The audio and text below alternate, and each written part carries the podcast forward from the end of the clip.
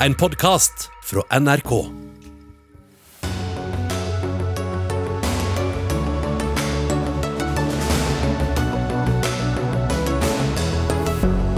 Koronavaksinen kommer også til Norge, men hvem skal få den først? Eldre og syke, ifølge et utvalg. Pandemien har forandret måten vi jobber på. Nå må også arbeidsmiljøloven endres, mener økonomiprofessor. Det er det siste vi trenger nå, svarer LO. Senterpartiet foreslår et eget eh, norsk gjengpoliti. Dårlig idé, svarer Høyre, med mindre vi ønsker mer byråkrati og sentralisering. Og vi må slutte å bruke begrepet jomfruhinne, som er både feil og kan være farlig, skriver debattant Isra Sariat. Det er ikke ordet som er problemet, svarer biologiprofessor Christian Gundersen. Vel møtt til Dagsnytt 18 på NRK1 og NRK P2, hvor vi også skal snakke om forholdene i Etiopia. Mitt navn er Sigrid Solund. Under hele koronapandemien har vi hørt eh, det samme. Vi må alle passe på, holde avstand og bli hjemme av hensyn til de sårbare gruppene, mens vi venter på en vaksine. Nå er forhåpentlig vaksinen her snart, men alle kan ikke få den med det samme. Så hvem skal prioriteres? Det har en ekspertgruppe i medisinsk etikk sett på, på oppdrag fra Folkehelseinstituttet, og nå klokka 18 så legges rapporten fram. Du har sittet i dette hurtigarbeidende utvalget, Reidun Førde, professor ved Senter for medisinsk etikk. Hva er det viktigste myndighetene bør gå etter og se på nå når denne vaksinen skal ut til folket, mener dere? Eh, vi mener at eh, det viktigste det er å beskytte de mest sårbare individene blant oss. De som har størst risiko for å dø og bli alvorlig syke av eh, dette viruset. Så de skal få vaksinen først? De skal få vaksinen først. Men det er en ganske stor risikogruppe som, eh, som innefatter veldig mange forskjellige grupper. En 90-åring er jo i risikogruppa bare ved å være så høy alder. Det samme er en 40-åring med hjertefeil. Mm. Hvordan skal man prioritere internt blant de sårbare? Mm. Ja, Det er et veldig godt spørsmål. Det vi har fått i oppdrag å gjøre, det er å sette opp noen merkesteiner. Som noen, noen viktige verdier som, som, skal prege dette arbeidet framover. Det er det vi har gjort eh, ved å, å, å, nevne verdier eksplisitt ved å si at dette er målene som jeg akkurat var inne på, beskytte de mest sårbare.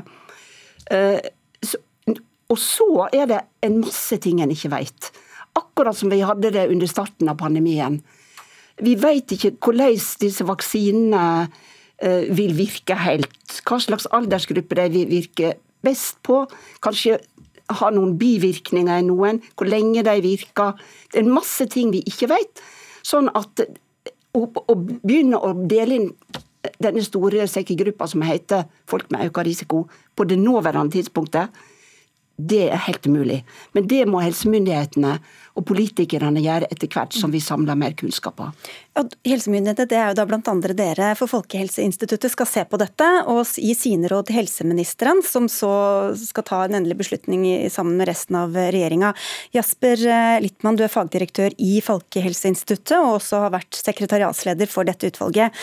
Nå har det jo vært en del fram og tilbake om hvem som faktisk har størst risiko eh, når det gjelder covid-19. Vet vi nå nøyaktig hvem som er mest i fare, og hvor mange det gjelder? Det er en prosess som er pågående med å få oversikt over det. Um, vi vet at uh, risikoen er veldig sterkt assosiert med alder, og med økende alder. Og det er nok risikofaktoren vi er aller mest opptatt av. Men så finnes det en uh, lang liste med underliggende sykdommer, kroniske sykdommer, som også kan øke risikoen. og Her er vi veldig avhengig av oppdaterte kunnskapsoppsummeringer, slik at vi kan følge med. Kunnskapen utvikler seg gjennom pandemien, og da er vi veldig opptatt av at vi på ethvert tidspunkt har den mest oppdaterte informasjon. Når det gjelder størrelsen av gruppe, så eh, anslår vi grovt at det er rundt 1,3 millioner mennesker eh, som hadde vært i en, en risikogruppe slik definisjon, arbeidsdefinisjonen er på i dag. Og Vi får vel neppe over en million vaksiner sånn til å dele ut med det første, Reidun Førde, så hvordan skal dette skje, sånn som dere ser det? Nei, Det er jo da vi har lagt noen føringer, som sagt. Og, og, så må helsemyndighetene, basert på den kunnskapen som vi har på det tidspunktet, fininndele gruppene. Det kan jeg rett og slett ikke svare på her i dag. Men dere er da opptatt av et liv er et liv.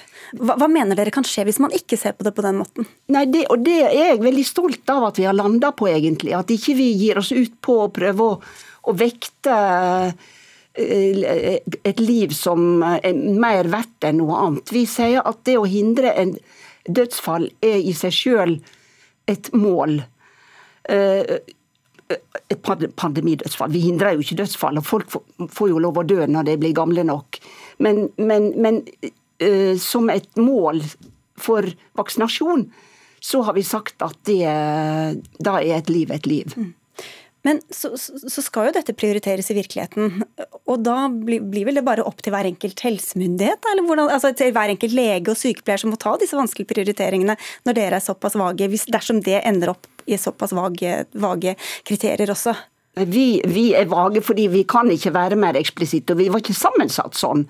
Mens Folkehelseinstituttet og, og de som steller med beredskap og sikkerhet i samfunnet, og politikerne, må jo kaste seg inn i denne veldig vanskelige inndelinga. Hvor tydelige kriterier tror du vi ender opp med, Littmann? Jeg tror vi kan godt være mer tydelige på det tidspunktet hvor vi vet mer om vaksinen. Det er også viktig. Eh, du nevnte at eh, vi kanskje får en million doser i staten. Vi vet ikke ennå eh, hvor mange doser vi må ta i staten. Men det er også viktig å huske at kanskje ikke alle velger å ta vaksinen. Så Det er ikke nødvendigvis 100% Det er en frivillig vaksinasjon. Folk må velge selv om de ønsker ta vaksinen. Hvor viktig er det å ha helt tydelige kriterier for hvem som skal prioriteres? Jeg tror det er veldig viktig å ha tydelige kriterier, men det er også viktig å være tydelig om hva vi ikke vet. Eh, vi vet at det er veldig mange risikofaktorer, men det er veldig vanskelig å eh, rangere alle risikofaktorene etter hverandre. Det har vi rett og slett ikke tilstrekkelig kunnskap om. Vi tror på det nåværende tidspunkt ikke at det blir eh, nødvendig å dele den veldig store gruppe inn i veldig små subkategorier, altså ha en mer finmasket uh, prioritering. Men hvis det blir nødvendig, uh, så kan det tenkes at det, noen grupper kanskje etter alder først blir prioritert, men det kan vi ikke si noe om før vi vet mer om vaksinen og om mengden vi får. Bare lyst til å svare på det du spurte om med kriterier. Det er viktig å ha noen kriterier for å hindre forskjellsbehandling og tilfeldighet. Og Det er det jeg syns er så bra at at vi har fått til her i Norge, da, at vi iallfall har starta med noe. Og så kan en si at dette er jo så vidt og på en måte vakkert at uh, det, det, betyr ingenting. Jeg tror det betyr noe. Mm. Hvorfor har dere ikke vektet økonomi, arbeidsplasser, samfunnsliv som sådan uh, høyere enn det dere har gjort? Nei, fordi at uh, vi tror at ved å, å, å uh, hindre død og alvorlig sykdom, så vil vi også på, på sikt kunne holde samfunnet mer åpent. Og, og, pluss at det er verdier i det som, som en ikke kan telle i kroner og øre. Det å ha åpne institusjoner, f.eks., der, der folk kan følge eh, mennesker over død, gjennom dødsprosessen og ta farvel på en ordentlig måte det har vi sett har vært en veldig stor verdi. Og så er det jo også et spørsmål hvorfor dere ikke setter helsepersonell inn i denne gruppa. De som jobber med de syke pasientene som er så kritiske. Jo, det gjør vi jo. Vi har jo sagt at helsepersonell skal stå høyt oppe. Men, eh, men vi, vi, har tenkt at de gamle og, og kronisk syke med store risikofaktorer må stå først. Og så kommer helsepersonell høyt opp, men de fleste av dem er jo friske. Men først, eller hva, skal til for at helsepersonell blir, blir, prioritert? Jo, Det har vi sett på. Vi har sett på ulike scenarioer, ulike smittesituasjoner. Og Hvis vi går over ei grense også her hos oss, og, og, ting kommer ut av kontroll, helsevesenet er i ferd med å segne, og smittetrykket er veldig høyt, da trenger vi helsepersonell kompetente helsepersonell til å ta, ta seg av eh, pasientene som trenger hjelp. Både covid-smitta og ikke-covid-smitta. Det er jo også mange andre grupper um, som dere ikke nevner, men som man kan se for seg at bør prioriteres eller kan prioriteres i en sånn uh, situasjon. De som tømmer søppel, de som jobber i butikken, eh, journalister, lærere, de, alle som jobber med barn. Dere har ikke laget noen prioritert uh, liste, men nå skal jo dere se på dette og andre ting fra Folkehelseinstituttet. Vil det komme en sånn type prioritert liste etter hvert? Fra dere i Folkehelseinstituttet? Vi skal i hvert fall eh, utdype og videreutvikle det som eh, den etikkekspertgruppen har levert. og Det innebærer også at vi tar en diskusjon rundt hvem som inngår i kategori helsepersonell, hvem som inngår i kategorien risikogrupper. Her gjelder det også å spesifisere mer nøyaktig hvem vi egentlig mener. og Det samme gjelder sikkert også disse kritiske samfunnsfunksjonene som du nevner. Helsedepartementet har gitt seg selv en frist til 1.12. med å lage en såkalt prioriteringsforskrift, så her eh, går det fort unna i svingene. Her Går det fort. dere får ha takk for at dere kom i denne første runde foreløpig, Reidun Førde og Jasper Littmann. Tusen takk.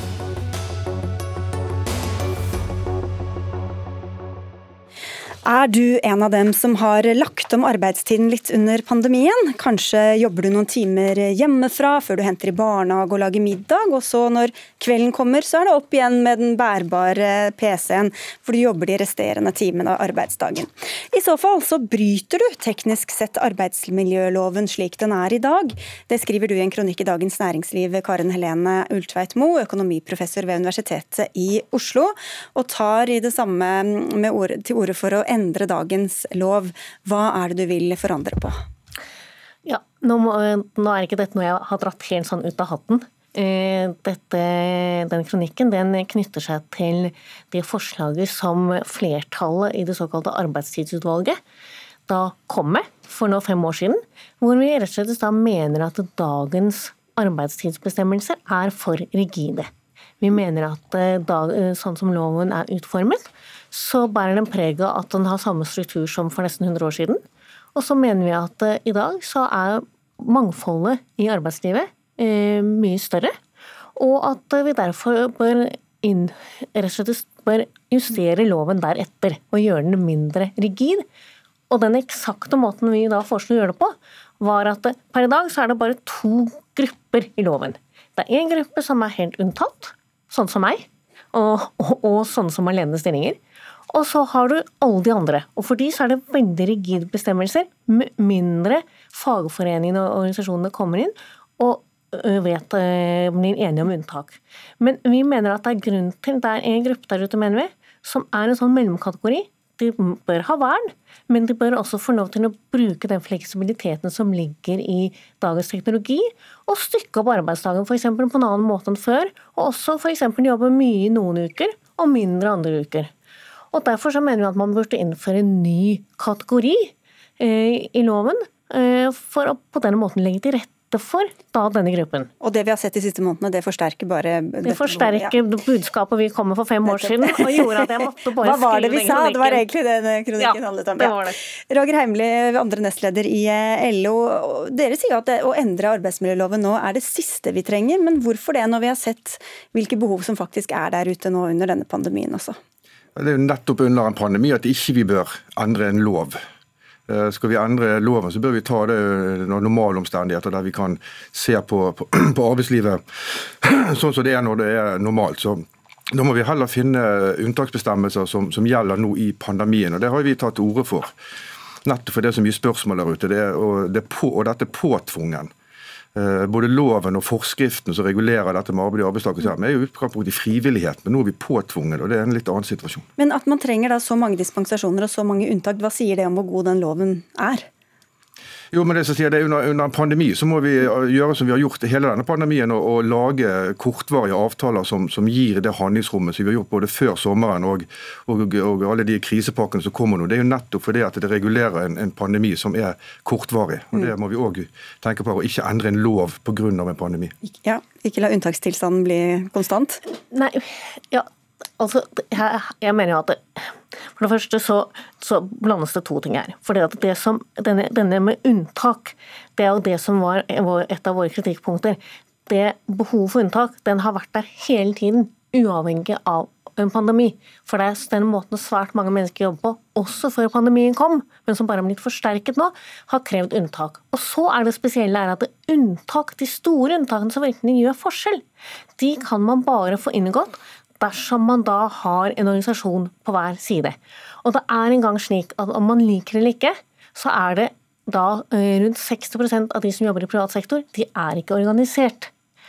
jeg vil gjerne understreke at jeg er fagorganisert, så det handler ikke om et syn på det. Men de er det ikke. Og for de, og deres virksomheter så da er denne unntaksmuligheten rett og slett ikke på bordet. Mm. Og så kan vi gjerne mene at ja, men den bør være der, men, men, men, men så er det noe gang slik at jeg syns det er veldig rart at man da skal øh, gjøre det, det, som da blir realiteten, er at alle disse i den gruppen de bryter loven. Og de bryter den da på kontinuerlig basis. Og noe av det som også skjer, er at eh, virksomheter de misbruker da den muligheten til å definere noen som å ha ledende eller særlig uavhengig stilling.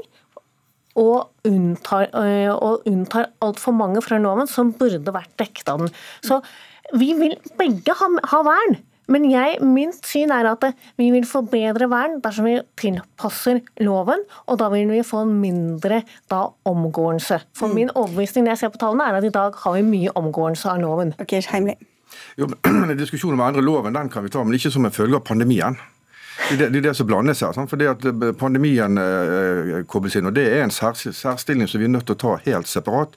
Men dere vil vel ikke endre arbeidsmiljøloven når ikke det er pandemi heller? Nei, vi mener at de, de eh, bestemmelser som er der og de mulighetene for avvik er gode nok. Eh, og Nettopp så skal det være to parter inne for mm. det at når du skal avvike fra en vernelov som er laget for å verne folk, Eh, så bør det være ansvarlige parter eh, som, som har gått nøye gjennom disse avvikene og tatt konsekvenser utredning i forhold til vernetjeneste, og de, sånn at vi er sikre på at de avvikene faktisk er gode.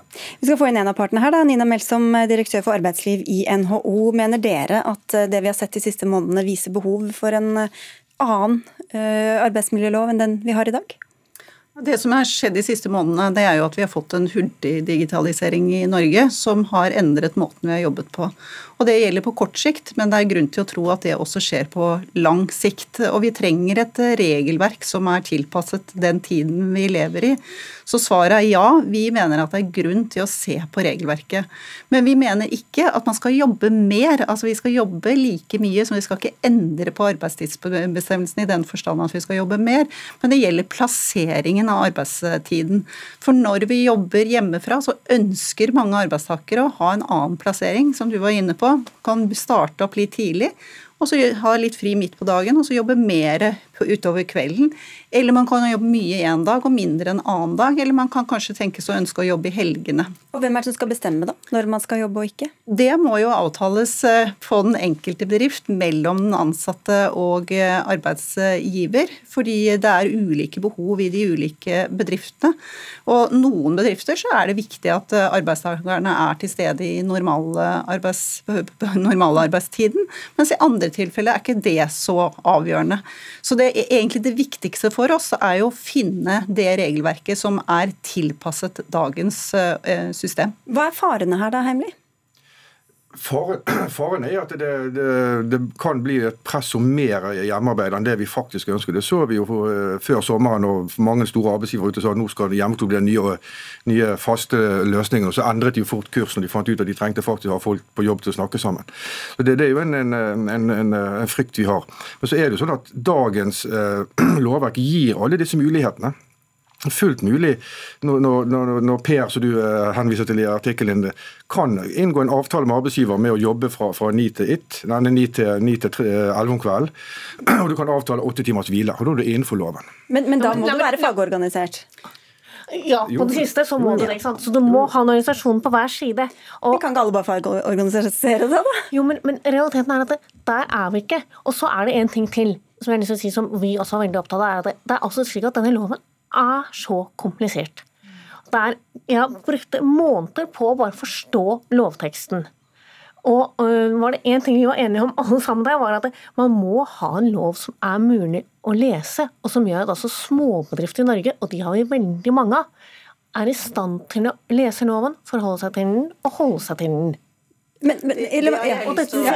og disse, alle syns det er vanskelig. Og, og, disse unntaksbestemmelsene er noe av det som gjør den så ufattelig og så vanskelig. Okay, ja, for det, det, vil jeg også understreke, at nå når vi står i denne pandemien, og hvis mange som jobber hjemmefra, så er jo tilbakemeldingen fra bedriftene de ønsker å følge regelverket. Og det er vanskelig å forstå, og det er viktig at man her klargjør regelverket, sånn at ikke man gjør de som ønsker å være lovlydige til lovbrytere. Så det å sette, og det, Der er det også allerede nå et arbeid i gang, hvor Arbeidsdepartementet sitter i førersetet og har dialog med partene, nettopp for å klargjøre regelverket. Hvilken legitimitet har en lov som brytes så ofte, Heimly?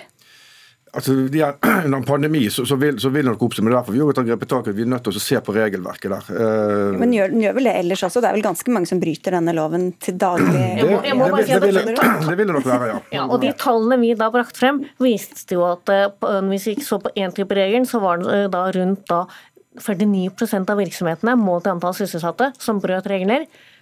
Og så på den andre regelen så var det min over 10 Så det er jo masse brudd der ute. Ja, spørsmålet da, Hvilken legitimitet har da en sånn, sånn, lov? Jeg tror den har uh, god legitimitet, nettopp fordi det er en, en, en, vernelov. og Så vil alle brudd måtte sees på. det. Sitter, det er ikke alle som er bevisste brudd. Det er hvis du har ikke en, et, et, et, et turnussystem der du får inn lokale avtaler, så kommer det opp som brudd. Men det er ikke brudd. Så, så da du går inn tyngde inn i, i, i tallet, for det er en vernelov. og det, det, Sånn skal vi håndtere den. Men ta det overordnet helt på slutten her. Altså, altså For noen år siden så innførte Frankrike en lov som skulle sikre ansatte digitalt digital fritid. Flere store bedrifter har gjort det samme. Med en sånn flytende arbeidstid, hvordan skal man sikre at, at arbeidstakere ikke føler seg presset, men, men klarer å koble av med god samvittighet?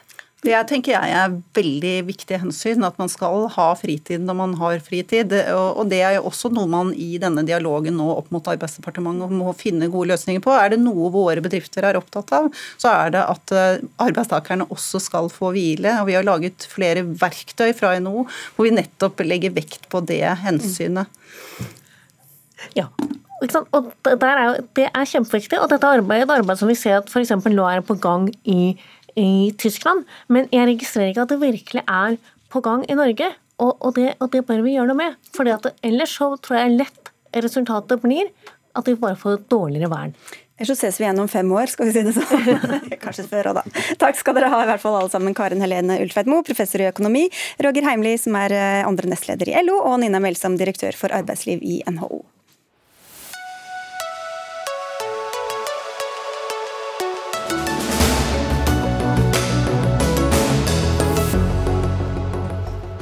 Litt senere i sendinga skal vi diskutere om vi må slutte å bruke et ord som jomfruhinne, men det er ikke det våre neste gjester er her for å snakke om. Derimot skal det handle om at Senterpartiet vil ha et eget gjengpoliti. Et representantforslag skal legges fram for Stortinget om en landsdekkende politienhet som fotfølger kriminelle gjenger. Enheten skal jobbe 24 timer i døgnet året rundt, og skal ligge innunder Kripos i Oslo. Jan Bøhler, du sitter på Stortinget ikke lenger for Arbeiderpartiet, enn også for Senterpartiet. Hvorfor mener dere at man trenger en egen enhet for å bekjempe gjengkriminalitet? Det er jo hos Kripos vi vil ha enheten. Kripos eksisterer jo i dag. Men jeg har eh, fulgt med på gjengbildet i Oslo og hele landet i mange år. Og det vi har sett eh, nå de seinere åra, er at gjengene er blitt mer og mer sånn at de opererer nasjonalt, internasjonalt, og at de har kontakter i hele landet. For å ta eksempel, altså Satudara er en MC-kriminell global gjeng, basert i Nederland, men er i mange land, og har etablert seg nå i Oslo-området. Men også i Stavanger, Rogaland, og jeg hører om kontakter de prøver å bygge opp i hele landet.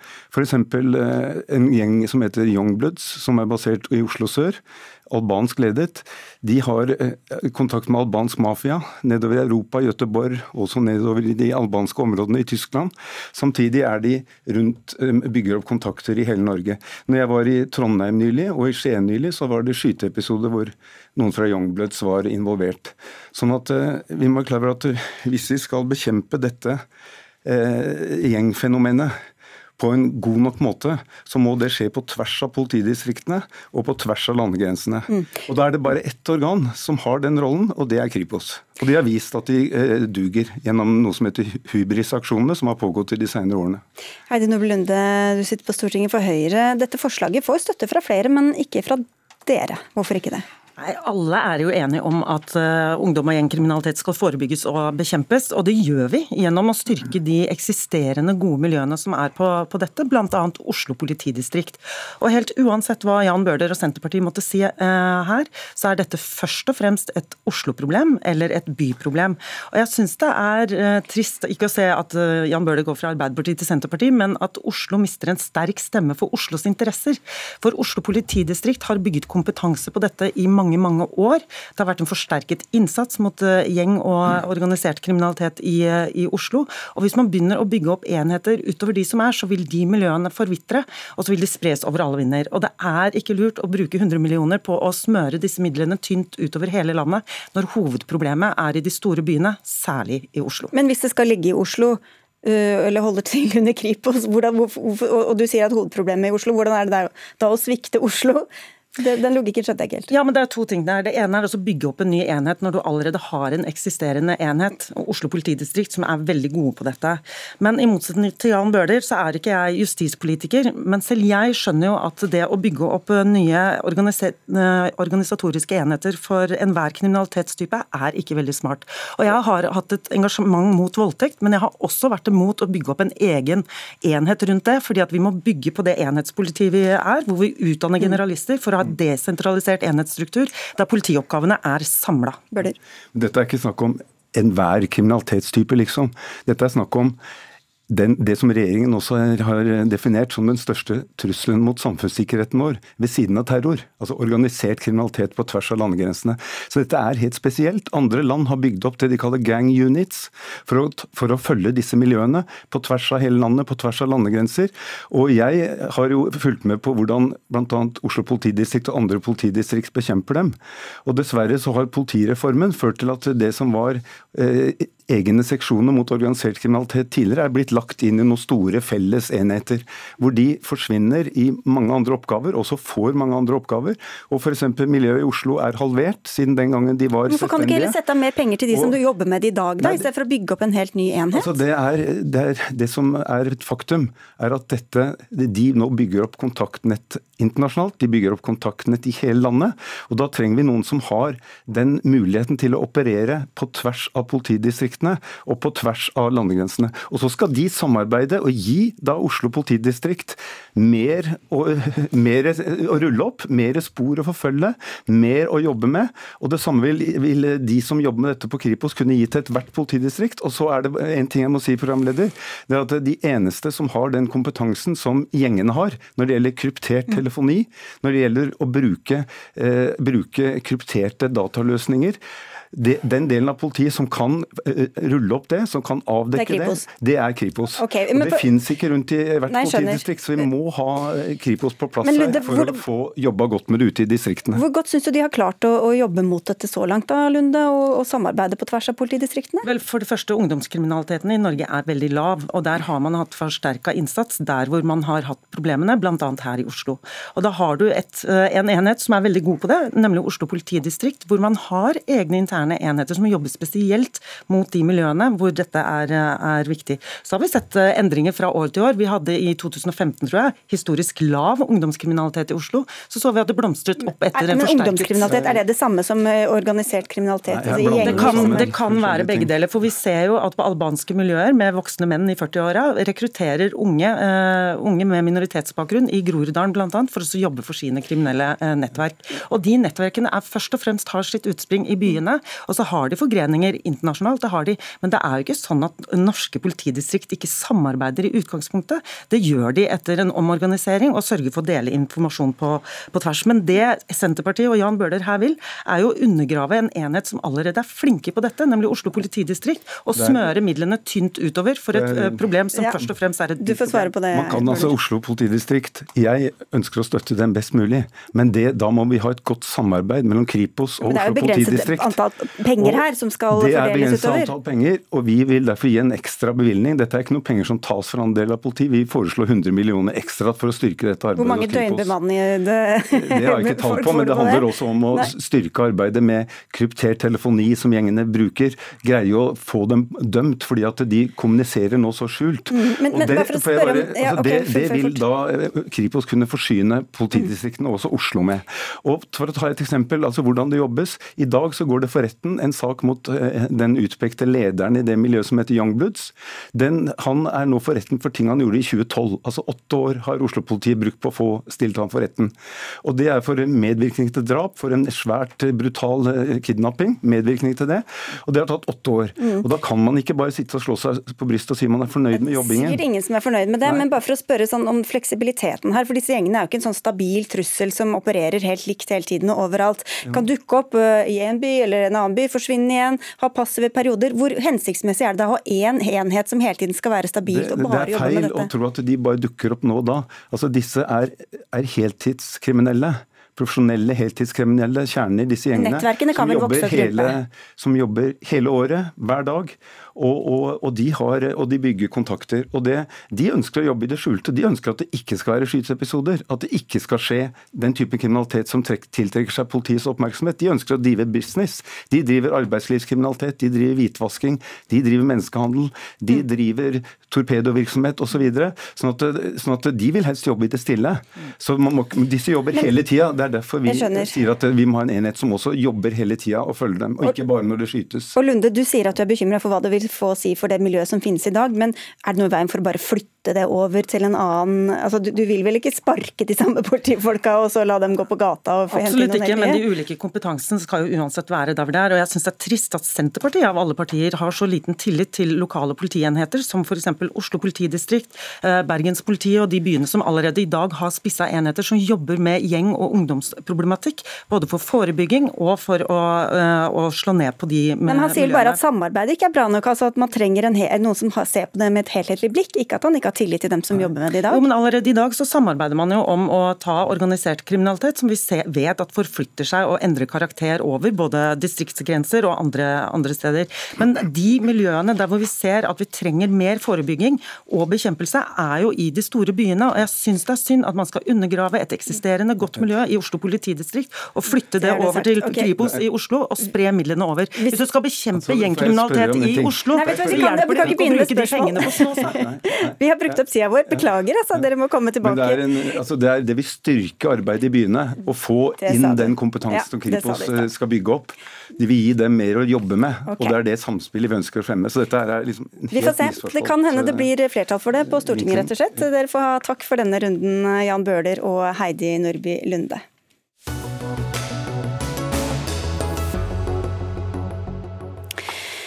I flere uker har det vært kamper nord i Etiopia mot grensen til Eritrea. Der kjemper Tigray-folkets eh, frigjøringshær mot etiopiske styrker.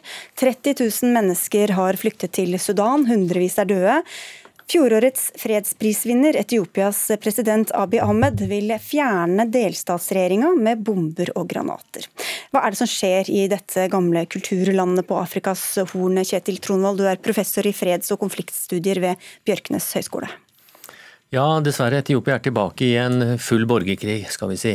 Det er føderalregjeringen som har slåss da mot eh, delstatsregjeringen i Tigray og dens folk. Og eh, de har mobilisert eh, to store konvensjonelle hærer.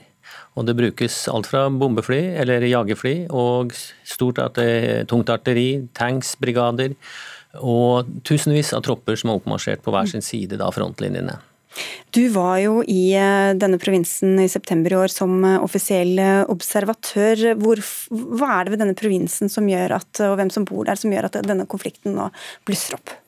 Du, hvis vi skreller bort all overflaten og går inn i kjernen av problematikken, så er dette en kamp om hva Etiopia er, og hva Etiopia skal være som en statsenhet. Og den Tigray-folket i nord og deres politiske representanter har i årtier slåss mot den det de ser på som en undertrykkende og sentraliserende stat, det gamle Etiopia. Og De greide jo å styrte dette militærregimet Dergen i 1991, og introduserte da en føderalstat som gir politisk og etnisk kulturelt autonomi til de etniske gruppene. Og nå når Abiy Ahmed kom til makten i 2018, så begynte han å som kommer egentlig fra det samme partiet, den samme koalisjonen.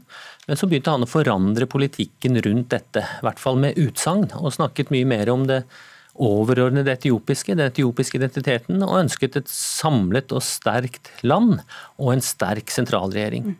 Det tolker da eh, TPLFs, frigjøringsfronten i Tigray, som å undergrave det de har slåss og ofret for i årtier. Altså at de ønsker å sentralisere makten i Addis Abeba igjen, på bekostning av delstatene. Men han, han, fikk jo fredsprisen også. Han tok jo veldig store grep, og han lovet masse godt. Hva, hva, var det som skjedde eh, etter ja. at han hadde sittet der i, i noen måneder? Ja, og det han gjorde i 2018, eh, de store reformene han eh, akselererte, og fredssamtalene med Eritrea i aller høyeste grad gir legitimitet til en fredspris da. Men allerede på slutten av 2018, desember, så ble jo grensen til Eritrea stengt igjen, og fredsprosessen som sådan stoppet opp. Og I 2019 så begynte han å innføre da, denne nye politikken, eller i hvert fall snakke om det, på en måte som skremte unna hans egne støttespillere blant oromofolket, mange av de som brakte han til makten. Eh, men også i særlig grad da regjeringen, delstatsregjeringen i Nord-Etiopia. Nettopp frykten for at landet igjen skulle samles under en sterk, sentralisert og dermed undertrykkende regjering sett i lys da fra provinsene i utkanten. Eh, det er det som ligger i grunn, og det er det som gjør det så veldig vanskelig også å løse dette. Mm.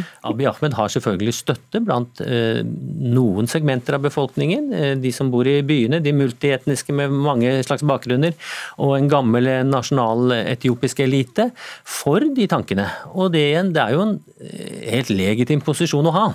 Men det går jo til motstrid mot mye av andre politiske sentimentene i Etiopia som har skapt dette konfliktbildet. Ja, du sa selv etnisiteter. Hvor, hvor, mm. hvor, mye spiller den etniske konflikten inn her?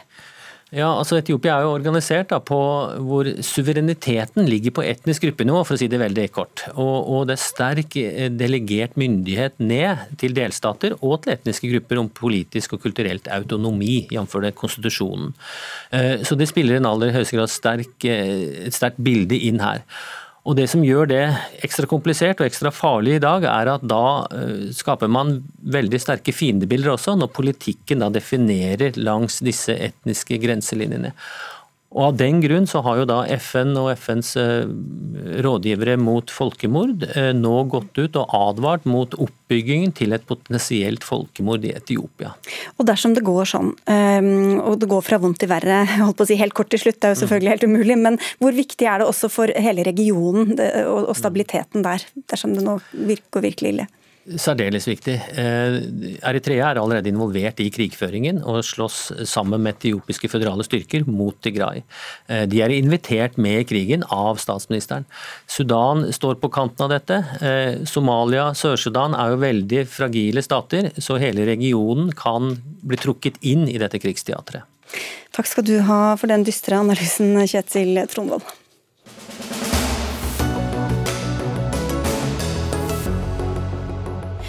For fire år siden ble det slått fast av helsemyndighetene at det ikke finnes noe som heter jomfruhinne hos kvinner og jenter.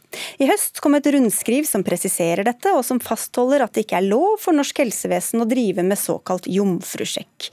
Men fortsatt blir ordet jomfruhinne brukt, bl.a. i en bruksanvisning for tamponger som selges i norske butikker. Dette har du tatt opp i en eh, kronikk i VG, hvor du er kritisk til at begrepet ikke bare forsvinner. Isra Sari, at du er journalist og samfunnsdebattant. Men det er jo bare et ord. Hvorfor er det så viktig at jomfruhinne fjernes som begrep? Fordi at jomfruhinnen er feil å si. Det er en myte at det finnes i det hele tatt. Det heter faktisk kjedekrans nå.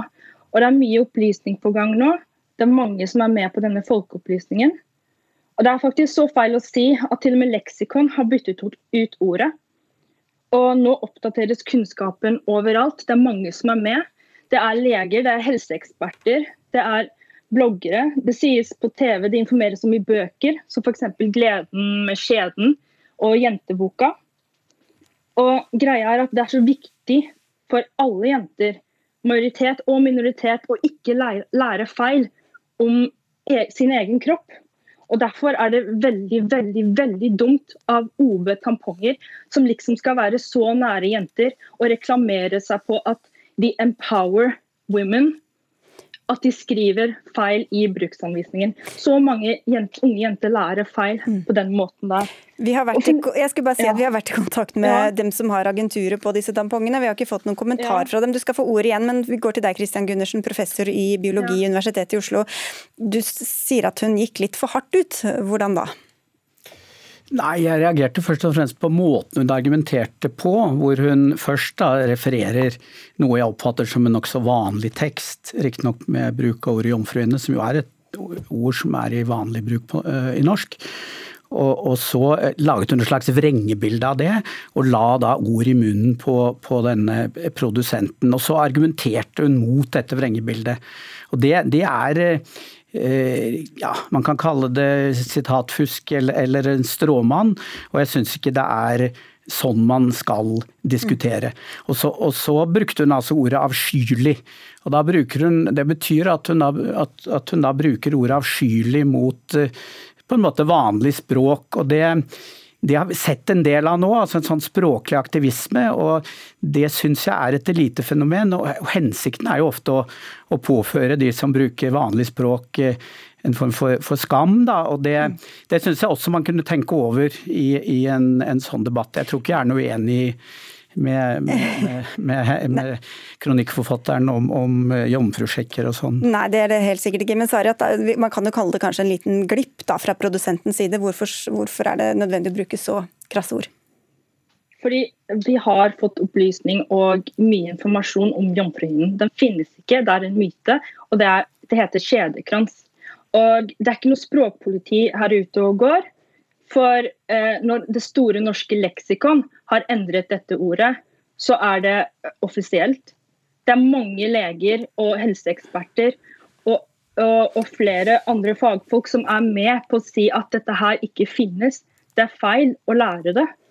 Og jeg har ikke drevet med noe sitatfusk. Det eneste jeg har sitert, er en linje fra bruksanvisningen på OB tamponger. Resten er mine egne ord. Dere, så jeg vet ikke nei, du skal hvor få det ordet, Christian fra. Gundersen, men vi skal bare få inn en til her. For du har fått så mye motbør i dag, bl.a. fra deg, eh, Tilde Brokke Østborg. Du er overlege ved Kvinneklinikken ved Stavanger universitetssykehus, og du er en av flere som svinger pisken over Gundersen på Twitter. Hva er det du reagerer på? Jeg tenker nok først og fremst at både jeg som helsepersonell og Gundersen som underviser biologistudenter har et ansvar for å bruke nøytral og presis oppdatert språkbruk som ikke påfører skam. Og jeg tror jo at ord i seg selv er et problem. Jeg tenker at språk både skaper og opprettholder ideer og forestillinger om hvordan verden henger sammen. Og jomfruhinne er misvisende på flere måter. For det første er det ikke noen hinne. En hinne pleier å være hel. Her snakker vi om noe som er en krans. Og den er ikke definerende for hvorvidt man har debutert med et vaginalt samleie eller ikke. Mm. Så det å fastholde jomfruhinnene som begrep, det forstår jeg ikke helt intensjonen med. Vi har i medisinen tradisjon for å forlate begreper som er lite beskrivende eller som kan oppleves som skambelagt. Det er ikke lenger noen som sier fallesyke, sukkersyke, hysteri, invalid. Og i løpet av de siste 20-30 årene så har vi også forlatt skambein, skamlepper. Og nå håper jeg også vi kan legge jomfruhinnen på skraphaugen. Men forskjellen er jo at de ordene du nevner der har blitt borte gjennom en, en naturlig språkutvikling. Eh, altså Skjedekrans er i og for seg ikke noe imot det. Hvis det slår an i befolkningen, så la oss for all del bruke det ordet. Men dette er jo et ord som ikke fantes før ja, 2009. Det var veldig, forekom nesten ikke i media eh, før 2015. Det kommer fra Sverige og nokså hva skal vi si, aktivistiske miljøer i Sverige, hvor det også står samtidig mye om om, om patriarkatet og sånn. Og, og, så var det på en måte en aktivisme rundt det, og det at det tas inn i leksikon. Det er jo ikke leksikon som, som bestemmer eh, hvordan virkeligheten er. Eh, det er jo, så jeg er liksom tilhenger av en språklig, en, en, naturlig språkutvikling. Og så syns jeg jo at eh, man må kunne diskutere dette på en ordentlig måte. Eh, det kan ikke være nødvendig å, å, bli så sint og bruke så sterke ord. Og den Twitter-stormen vi hadde i, i går, var noe av, og jeg har vært med på ganske mye, noe av det verste jeg har sett. Og, og der var jo min ærede motdebattant her ganske raus med de røde hjertene, også på eh, tweeter som var ja, sjikane, eller var iallfall helt innholdsløse når det gjelder argumentasjon. Så, så, noe av det som er viktig for meg, er at vi, vi, skal være forsiktige med språklig aktivisme. Det brukes i en del andre sammenhenger også, som jeg sa innledningsvis. Og jeg syns vi skal snakke, kunne snakke om ting på en ordentlig måte. Det... Vi må vel kunne diskutere virkemidler uten at vi, uten at vi liksom blir uvenner. Altså, vi kan diskutere da om det er et egnet virkemiddel, om det, om det skal være forbudt. Men, men, Gundersen, men Gundersen, det føles eh, litt ironisk at du sier det også, for det er mange som har sagt at du har vært direkte ufin i denne Twitter-stormen. Og det er flere som har sagt at du nesten burde beklage til meg. Det er litt vanskelig for våre lyttere og seere å gå inn i en sånn Twitter-debatt på den ene eller andre men, siden. Ordet, da, angående ordet mm. jomfruhinne. Jeg har et lite personlig uh, syn på det hvorfor det er viktig at det byttes om til kjedekrans. Det jeg har gjort, er så enkelt som å bare dele opp ordet jomfruhinne Jomfru, kan den påvise at eh, du er jomfru? Nei, det kan den ikke. Hinne, er det en heldekkende hinne i kjeden? Nei, det er det ikke. Det er en kjedekrans. Det er et slimhinnefold rundt kanten av skjeden. Du, da tar Derfor vi det. mye da tar vi det. Ja, okay. Kristian Gundersen, som biologprofessor da, så skal man jo, som du selv sier, altså man skal jo være presis i språket. Så hvor presist er det å bruke et ord som ikke viser om du er såkalt jomfrue og ikke er en hinne? Altså, alle, nesten alle ord har jo en historie, da. og, og den historien reflekterer ikke nødvendigvis betydningen. Det, det er veldig vanlig når, når, vi snakker om språk. Dessuten så Hvor kommer den forestillingen om at hinner ikke kan ha et hull, da? Eller en åpning? Eh, på latin så heter det hymen, det oversettes stått med membran. Det kommer riktignok av den greske ekteskapsguden, så det blir ikke noe mm. særlig bedre ja. av det.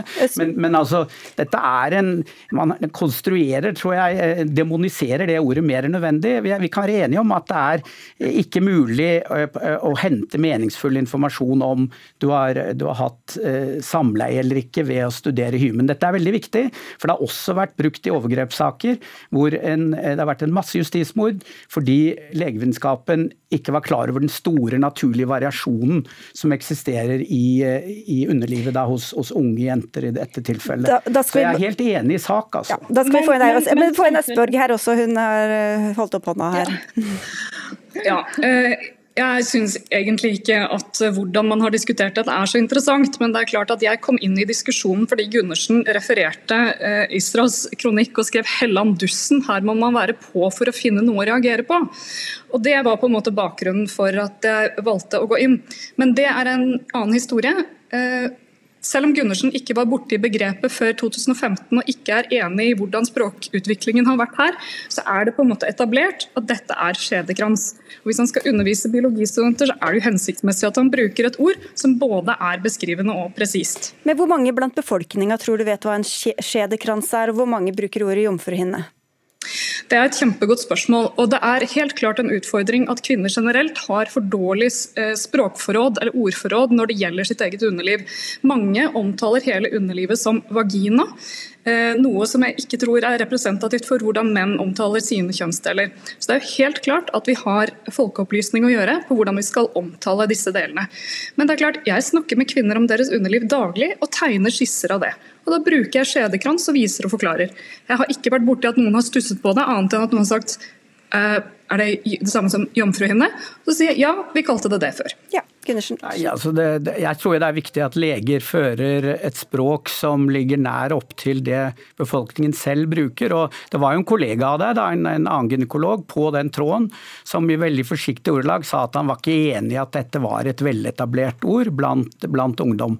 Men eh, la oss se om det slår an, det, det, er det jeg vil si. Språkutviklingen kan vel være naturlig, og, og bruk gjerne det. Eh, jeg snakker ikke så ofte om det i min undervisning, så vi får se hva det blir. Vi, vi, får se dit. hvor vi ender opp, så får vi si tusen takk til alle tre i denne omgang. Christian Gundersen, Tilde Broch Østborg og Isra Sariat.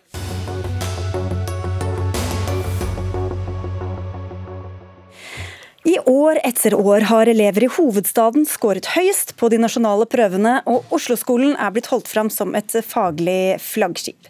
Men nå frykter mange at den utviklinga vil snu.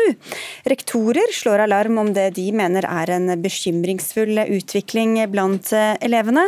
Trond Nilsen, til daglig er du rektor ved en ungdomsskole i Oslo. Du er også leder i Skolelederforbundets fylkeslag i hovedstaden. Og dere frykter at utviklinga i Oslo-skolen har snudd og er på feil vei, og ser spesielt da på de nasjonale prøvene. Hvordan da? Ja, eh, vi har eh, vært bekymra en stund. Eh, nå er Det sånn at de, det er viktig å si at de resultatene som, som foreligger nå, er jo ikke avskrekkende på noen måte. Men de er liten, det er en liten negativ trend. og i samarbeid, i sam, altså Hvis du også ser på de statlige kartleggingsprøvene, så kan det være at det er en, en trend, i og med at det nå er to år på rad hvor vi ikke har noe fremgang. Og det som vi har vært bekymra for, det er at de siste årene vi har, altså I vårt DNA som rektorer så har vi hatt eh, grunnleggende ferdigheter eh, som mantra. Grunnleggende ferdigheter er det aller viktigste vi jobber med. Og, uh, altså matte, norsk og engelsk. Lesing, regning og engelsk. Mm. Og, og, det er uh, en ting som vi har hatt full fokus på. Det har vært, uh, plakaten har vært holdt høyt hver gang vi har møttes, at dette må vi ha fokus på. og Det vi savner, det er litt grann at det har vært veldig mange innsatsfaktorer inn i, i Oslo-skolen de siste årene. Og For å ta noen eksempler med byråden, så har vi hatt en del samlinger. Eh, og I de samlingene så har vi snakka om Skeiv Ungdom, Klimapilotene, honningproduksjon på skoletak, Barnehjernevernet, Oslohjelpa. Alt dette er veldig fine, flotte uh, samlinger, men for oss så er det veldig viktig at uh, fokuset på grunnleggende ferdigheter, som også gir barn som mestrer, og som også gir at barn som mestrer, de uh, mobber ikke, og alle disse satsingene som, som, er blitt, som har konkurrert, gjør at vi mener at eh, fokuset vårt kanskje har dalt litt. Fordi at det krever veldig mye å ha det fokuset fra fra hva politikerne altså, Dere blir bedt om å ta hensyn til veldig mange ting i ja, stedet for å bry seg? Ja, okay, så det er den ene bekymringa. Og den andre bekymringa er at, uh, at vi, tillitsbasert ledelse uh, det er en fin ting. Og det, er, og, det er, vi selvfølgelig opptatt av å ha.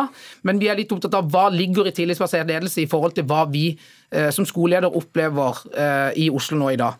Hvis vi tar, begynner med det første her, Inga Marte Thorkildsen, skolebyråd eh, i Oslo. Er du bekymra over, eller hva sier det deg, at denne nedgangen nå kommer der for andre gang, eller andre år på rad?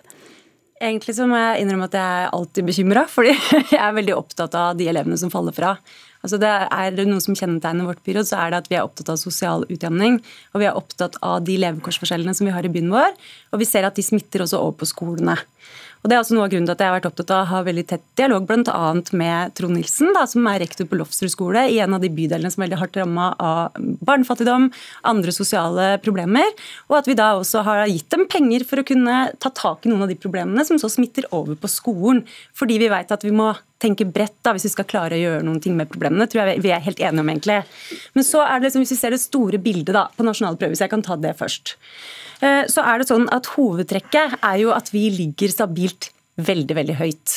Eh, vi ligger høyere enn alle andre fylker. Gjennomsnittsscoren vår er høyere enn i alle fylker. Vi har en høyere andel på det høyeste mestringsnivået og en lavere andel på det laveste mestringsnivået. sånn at det går veldig bra. Men, Men dårligere nå enn før? Når det gjelder femte trinn, det har jeg lyst til å kommentere litt på. For det syns jeg er veldig viktig at vi går litt inn i de tallene, sånn at ikke vi ikke får helt sånn sammenbrudd, og så skal alle liksom begynne nå å se på å, kan vi konkurrere, og er Høyre best eller SV best, eller hvem er best? Fordi det skylder vi faktisk elevene og lærerne våre. Og Hvis vi ser på femte trinn, så er det et trekk som er veldig iøynefallende. Og det er at vi har fått ned fritaksandelen på femte trinn. Eh, og den har faktisk gått dramatisk ned, og det har vært veldig viktig. fordi vi har blitt anklaga den gangen Høyre styrte Oslo-skolen for at vi blåste opp fritaksandelen. At for mange elever Kan jeg bare forklare hva dette betyr? Altså at da, Nå må flere ta de prøvene enn før. Ja. Så var det flere som slapp å ta dem, og dermed så har eh, snittet gått ned. Det er det For eksempel ja. i lesing da, så har vi gått ned fra 8,3 til 5,6 fritaksandel. Okay. Og det følger jo nødvendigvis en, eh, den andelen som da er på nivå 1, som er det laveste mestringsnivået den går da litt opp. En annen ting er jo at vi har vært gjennom en koronapandemi de siste ni månedene. Det har også resten av landet. Vi har hatt en nedstenging. Men Oslo har altså vært episenteret for den pandemien. Dere, og okay, jeg syns faktisk si at vi skal Nei, men jeg skal bare si en siste ting som er viktig for meg. og det er at Jeg syns at våre ansatte på skolene, våre elever og også de foresatte, fortjener honnør for at de har klart å gjøre det så stabilt bra som det vi tross alt har gjort i Oslo. Og så skal vi fokusere også på de som faller ut. for Arbeiderpartiet er nemlig Dere, vårt byråd okay, veldig opptatt av. Det er det som holder på å eksplodere her. Ja, det, det ser jeg. Jeg blir stressa, men skal ikke, vi skal ikke avbryte hverandre i dag. Å nei, gud, da må vi snakke lenge av gangen. Mm. Mathilde Tybring-Gjedde, stortingsrepresentant for Høyre. Hva, hva, sier du til dette? Altså, nå, nå, hører du forklaringen på hvorfor det går dårligere, dårligere litt på de nasjonale prøvene. Ja, altså jeg, jeg, tror veldig mange vet at Torkelsen er veldig bekymret på vegne av elevene, men det vi har etterspurt lenge, er jo at hun også tar ansvar på vegne av da 90 000 elever i Oslo. Og jeg mener at det er flere, flere trender her nå som man må se på samtidig. Det ene er at du helt åpenbart har eh, flere på de første, andre, tredje klasse som er under kritisk grense i lesing og regning. På femte trinn så får du nå flere elever som er på det laveste nivået, og færre elever som er på det høyeste nivået. og Det er en trend nå over to år som faktisk er ganske urovekkende. Og når eh, Det som skremmer meg litt, er at Torkelsen virker ikke som hun tar eh, det ordentlig på, på alvor. Ja, fritaksprosenten har gått litt ned, men deltakelsesprosenten har også gått litt ned. Som andre ord, det går opp i opp. Det er, kan ikke forklare de resultatene okay, men vet dere, Tiden går veldig fort med disse lange resonnementene. Jeg har bare lyst til at Det er to mot én her også, Torkelsen. For å følge opp det fra rektoren her. Mm. Altså, Er det sånn at dere signaliserer til skolene dere skal bry dere om dette, dette, dette, dette, dette, og så går det litt på bekostning av de hovedtrekkene? Uh, altså at, man skal fokusere på, på, regning, lesing og engelsk? Jeg tror faktisk at jeg har lyst til å sitere fra et brev som gikk fra en rektor tidligere uh, denne uka, tror jeg. Det var uh, rektoren på RIS. Han sendte ut følgende beskjed til alle foresatte. Mange oppslag i media om Oslo-skolen. Noe av kritikken kan selvfølgelig være berettiget. Jeg vil imidlertid understreke følgende. Det er styring på Oslo-skolen. Skolen og ledelsen blir fulgt opp av grunnskoledirektør. Oppfølgingen er like hyppig, og vi blir fulgt opp på de samme temaene som før. Hvordan vi jobber med elevenes grunnleggende mm. ferdigheter osv. Så, videre, og så, så det er jo ikke sånn at vi sjekker opp på det. Vi er opptatt av det, vi. Og det viser seg også i resultatene våre. Men, men, jeg tenker jo at det er jo det som, altså Våre medlemmer da, eh, de opplever at det har vært en dreining i fokus. Det har vært en dreining i fokus hvor andre ting som, eh, som ikke, altså Resultater har ikke vært eh, på dagsorden på samme måten. og litt det som jeg sa tidligere, Det er ikke det som snakkes opp på lik linje sånn som det gjorde før. og det er klart at All ledelse handler om å sette lys på det som er absolutt viktigst. og jeg tror det at Når, vi, når Inga Marte sier at hun er opptatt av de svake elevene og elevene som er sårbare, så er vi helt på linje. Det er vi begge to. men jeg tror vi er veldig forskjellig innfallsvinkel til hvordan vi skal hjelpe dem.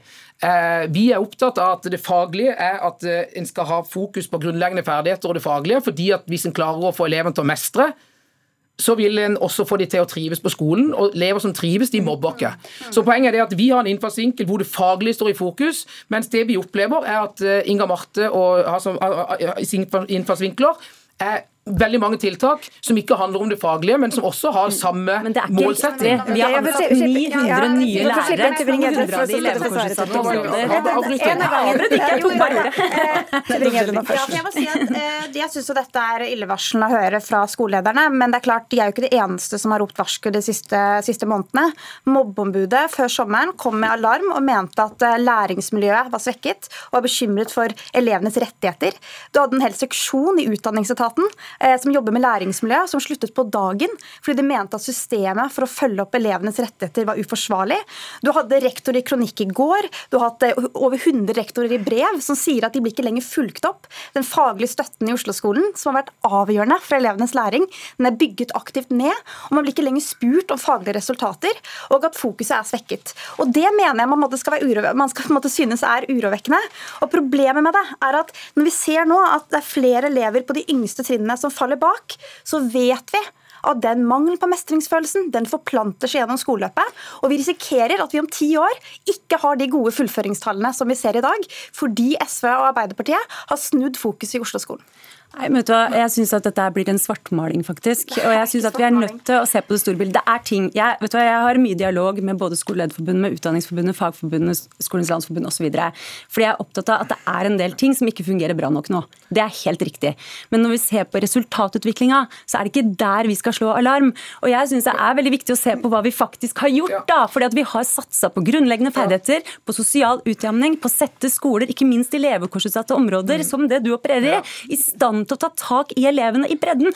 Både det faglige og det sosiale, for det spiller inn på hverandre. Du kan ikke isolere det fra hverandre. Okay, altså, nei, altså, det, altså, det, vår opplevelse er jo, altså, det er jo litt det spørsmålet som jeg snakker om tillitsbasert ledelse, og hvordan ledelses, hva, hva, ligger i tillitsbasert ledelse? For Det er jo en av de tingene som jeg også tok opp i kronikken som jeg skrev. Det var at når dere skriver skjønner ikke det Skolelederforbundet at det er viktig med grunnleggende ferdigheter, når det står i alle tildelingsbrev og i fagplaner osv. Jo, men det står overalt. Men poenget er det at I all oppfølging. Ja, i all oppfølging. Dette, tror jeg blir litt så vanskelig for folk å følge ja. med på, da, men Vi eh, satser knallhardt på det, og det viser seg også i de resultatene som vi faktisk får. Vi har bare 20 sekunder igjen. Men kunne jeg bare sagt, Som skoleleder så tenker jeg at det er ekstremt viktig at jeg, jeg snakker ikke for meg sjøl. Jeg snakker jo på vegne av mange skoleledere. og jeg tenker at Det er viktig at de bekymringene som vi bringer ja, på bordet det er egentlig Istedenfor å si at vi gjør det, så har du egentlig jeg tenkt at hvordan, hva er det du mener? Hvordan er det du mener at vi kan gjøre det ja, bedre? Men Vi snakker det, sammen mye, Trond, og jeg kommer til å fortsette å prate med deg. for jeg synes det er viktig å lytte til deg. Og nå, lytte til alle. Dere, nå må jeg avbryte, for vi har ikke mer tid, dessverre. altså. Men takk for at dere kom, eh, alle tre. Vi skulle hatt eh, fire timer til. Anne Katrine Førli, Frode Thorshaug og jeg, Sigrid Solund, takker for følget så langt, og ønsker en riktig fin kveld videre.